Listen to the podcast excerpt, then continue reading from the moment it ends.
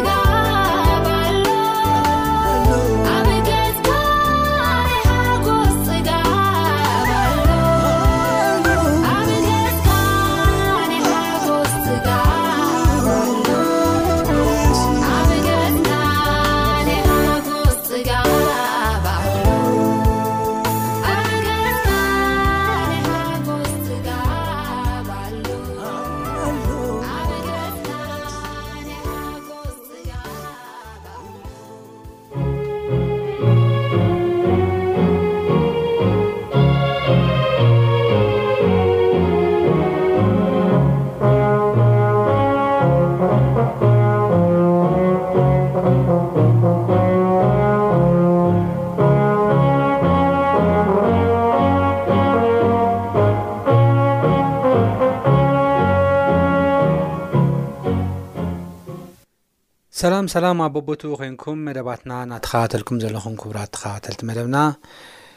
እዚ ብዓለም ለኸ ኣድቨንቲስት ሬድዮ ድምፂ ተስፋ ንኩሉ ሰብ እናተዳለወ ዝቐርበልኩም መደብ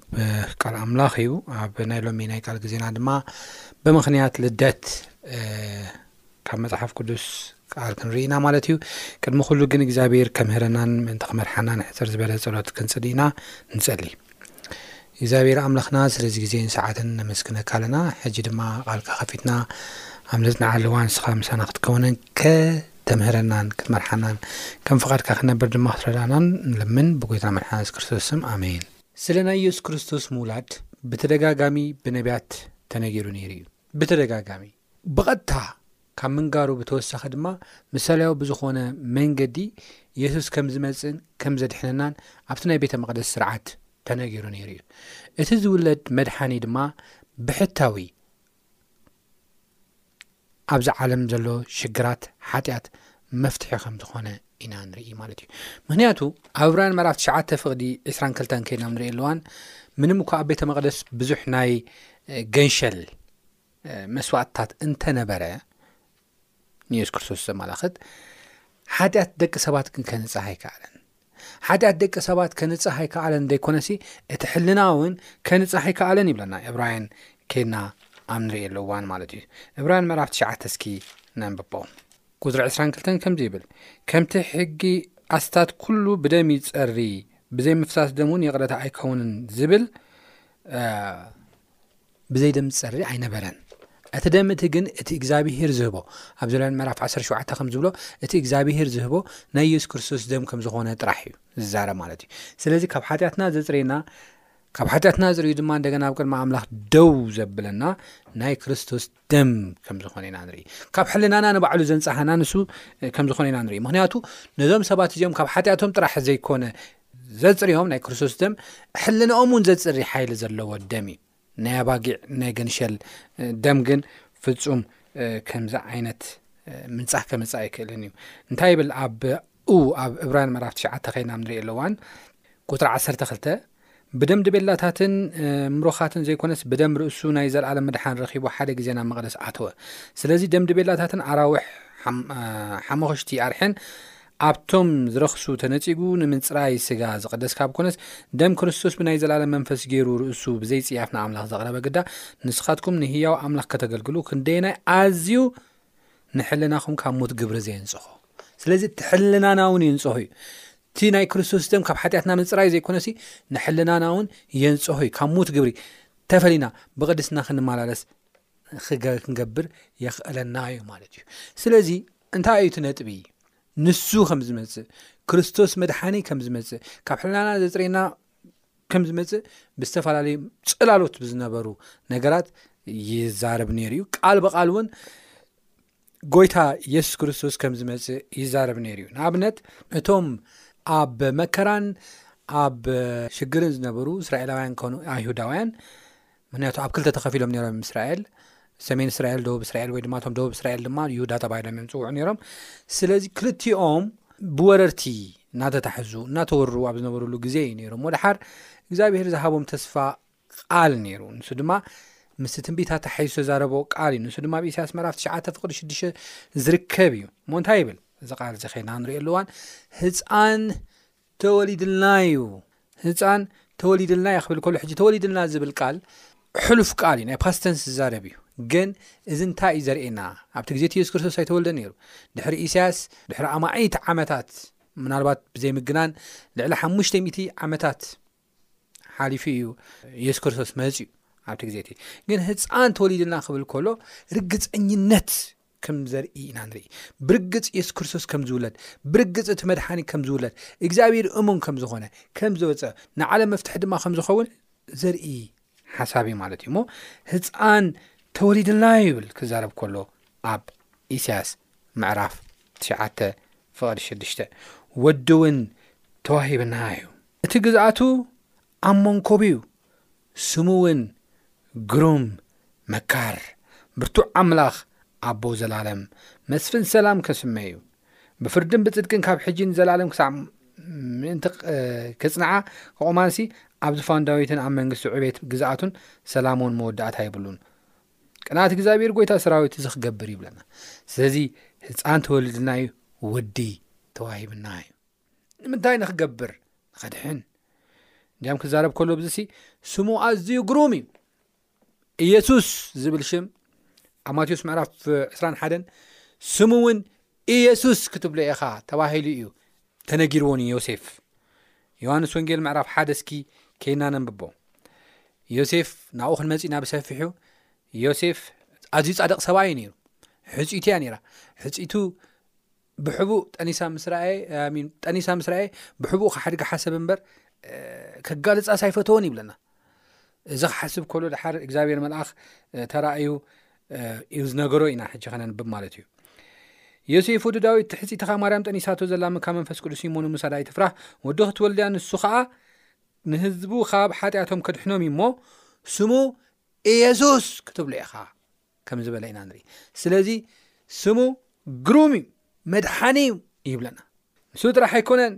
መካር እውን እዩ መካር እዩ እቲ ዝውለድ ጎይታ እቲ ዘድሐነና ዝተወልደ ጎይታ የሱስ መካር እዩ ምኽሪ ዝህብ ህይወት ክንመርፅ ህይወት ሕረዩ ዝብል ጎይታ እዩ ብርቱዕ ኣምላኽ እዩ መጽሓፍ ቅዱስ የሱስ ክርስቶስ ኣምላኽ ምዃኑ ብግልፂ ኣቐሚጥዎ እዩ ካብቲ ብግልፂ ዘቐመጦ ጥቕስታት ሓደ ሮሜ ምዕራፍ 9 ፍቕዲ 5 ቀዳማ ዮሃንስ ዘሎን እዩ እንታይ ይብል ሮሜ ምዕራፍ 9 ፍቕዲ 5 ኢየሱስ ክርስቶስ ብሩኽ ኣምላኽ ከም ዝኾነ ይዛረበና ወ ኣቦታት ከዓ ናታቶም እዮም ክርስቶስ እውን ብስጋ ካባታቶም እዩ ንሱ ንዘለዓለም ብሩኽ ኣምላኽ ልዕሊ ኩሉ እዩ ኣሜን እወ ንሱ ንዘለዓለም ብሩኽ ኣምላኽ ልዕሊ ኩሉ እዩ ኣሜን ይብለና መፅሓፍ ቅዱስ ከዛረብ ከሉ ስለዚ ብርቱዕ ኣምላኽ እዩ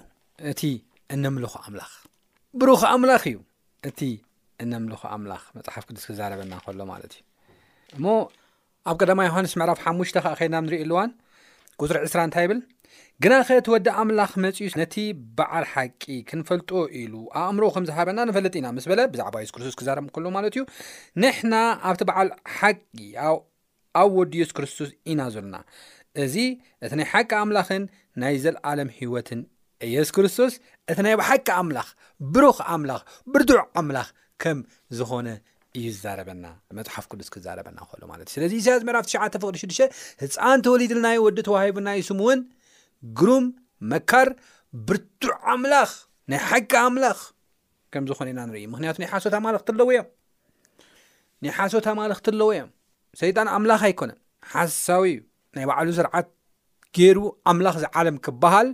ተመንዩ ኣምላኽ እየ ኢሉ ባዕሉ ክለይም ይገብር ግን ኣምላኽ እግዚኣብሄር ዝበሃል ኢየሱስ እዩ ኣቦ ዘለዓለም መንፈስ መስፍን ሰላም እውን ክስመ እዩ ይብለና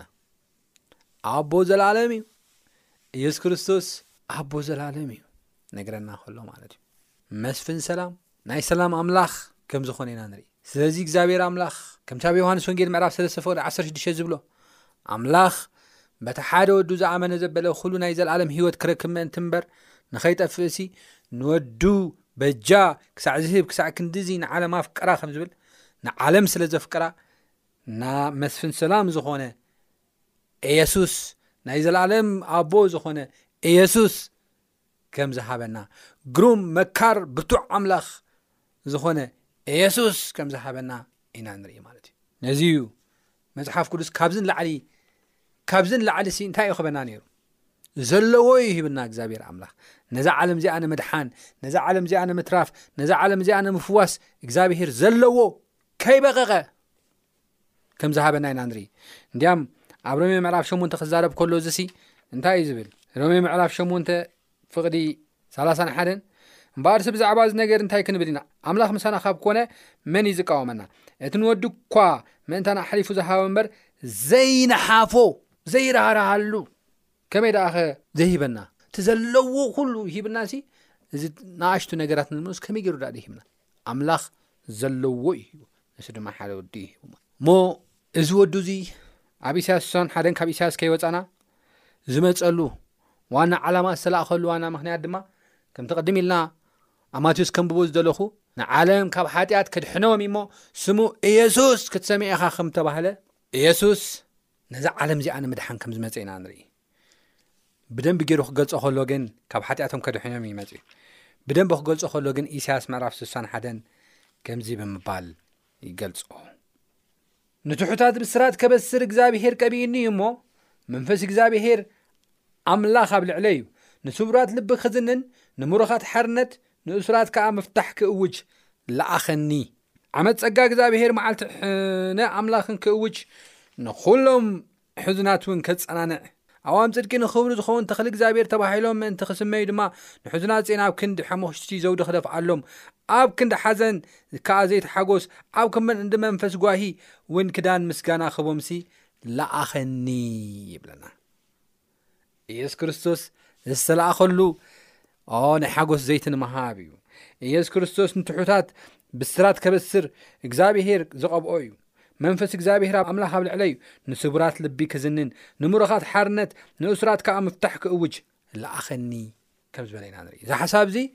ብዙሕ ሓሳባት ዝሓዘ እዩ ሓደ ከምቲ ቅድም ኢለ ዝብሎ ዘለኹ ወይ ሕጂ ዝብሎ ዘለኹ ዓላማ እግዚኣብሄር እዩ ዝዛረበና ኢየሱስ ክርስቶስ ንስቡራት ልቢ ክዝንን ንምሩኻት ሓርነት ንእሱራት ከኣ ምፍታሕ ክእውጅ እዩ ዝለኣኸኒ እንታይ ማለት እዩ ብዚ ነግረና እቶም ዝተናዓቑ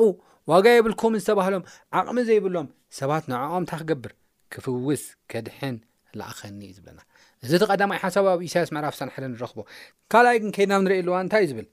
ንሕታት ብስራት ከበስርሲ እግዚኣብሔር ቀቢኡኒ እሞ መንፈስ እግዚኣብሔር ኣምላኽ ኣብ ልዕለይ እዩ ንስብራት ልቢ ክዝንን ንሙሩኻት ሓርነት ከኣ ምፍታሕ ክእውጅ ለኣኸኒ ይብለኒ። እታ ካልኣይ ሓሳብ ግን እግዚኣብሄር ቀቢኡኒ እዩ እያ። ኢየሱስ ክርስቶስ ማለት ብእግዚኣብሄር ዝተቐብአ መድሓኒ ማለት እዩ። ብእግዚኣብሄር ዝተቐብአ መድሓኒ ማለት እዩ። ኢየሱስ ክርስቶስ ማለት ኢየሱስ ማለት መድሓኒ ማለት እዩ። ክርስቶስ ማለት ድማ ብእግዚኣብሄር ዝተቐብአ ማለት እዩ። ኣብዚ ክምለስ ዘለዎ ክልተ ሕቶታት ኣሎ ተቀዳማይ እግዚኣብሔር ንምንታይ ንየሱስ ቀቢእዎ ካልኦት መላእኽቲ ዶ ይነበሩን ዋጋ ክከፍሉና ዝኽእሉ መላእኽቲ ዶ ይነበሩን እዮም ካልኣይ ናይ የሱስ ክርስቶስ እሺ ኢሉ ናይቲ ቅብኣት ምቕባሉ ኸ እንታይ እዩ ምስጢሩ ዝብሉ ክልተ ሕቶታት ዓበይቲ ሕቶታት ክምልስ ይግባኣና ተቀዳማይ መብዛሕትኦም ኣብ ሰማይ ዘለዉ መላእኽቲ ወይ ድማ ፍጥረታት እግዚኣብሄር ዕዳና ክኸፍልዎ ኣይክእሉን እዮም። ንሕና ብሓጢኣትና በዓል ዕዳ ዝኾንና ሰባት ኢና። እዚ ክብል ከለኹ ሓጢኣት ሕጊ ምፍራስ እዩ ኣብ ቀዳማ ዮሃንስ ምዕራፍ ሰለስተ ከም ዝብሎ ሓጢኣት ሕጊ ምፍራስ እዩ ስለዚ ነቲ ዘፍረስናዮ ሕጊ ዓስብና ክንወሃብ እንትግብኣና ዘይተቐበልና ዓስብና ዘይተቐበልና ሰባት ኢና እንታይ ማለት እዩ ዝኸ መፅሓፍ ቅዱስ ዓስቢ ሓጢኣት ሞት እዩ ይብለና ሓጢኣት ማለት ምፍራስ ሕጊ እዩ ካልእ ኣይኮነን ዓስቢ ሓጢኣት ሞት እዩ ንሕና ከዓ ሓጢኣተኛታት ኢና ናይ ዘለዓለም ሞት ናይ ዘለዓለም ጥፍኣት ዝግብኣና ሰባት ኢና እንተኾነ ግን ናይ ዘለዓለም ጥፍኣት ዘይጠፍኣና ሰባት ኢና ስለዚ ክትሞቱ ኣለኩም ኢሉ እቲ ሕጊ ዝሓተና በዓል ዕዳ ኢና ስለዚ እዚ ዕዳና እዚ ከፊሉ ካብቲ ዘለና ዕዳ ካብቲ እቲ ዕዳና ከዓ ናይ ዘለኣለም ሞት እዩ ካብቲ ዘለኣለም ሞት ከውፅአና ዝኽእል መልኣኽ ኮነ ካልእ ፍጥረት ኣብ ምድሪ የለን። እታ ህይወት እያ ነይራ እታ ዕዳ። እታ ህይወት ክትጠፍእ ኣለዋ እዩ ነይራ እታ ዕዳና። ህይወትኩም ክትጠፍእ ኣለዋ ዋይ ቢኮዝ ሓጢኣት ሰሪሕኹም ኢኹም እያ ነይራ እታ ዕዳ።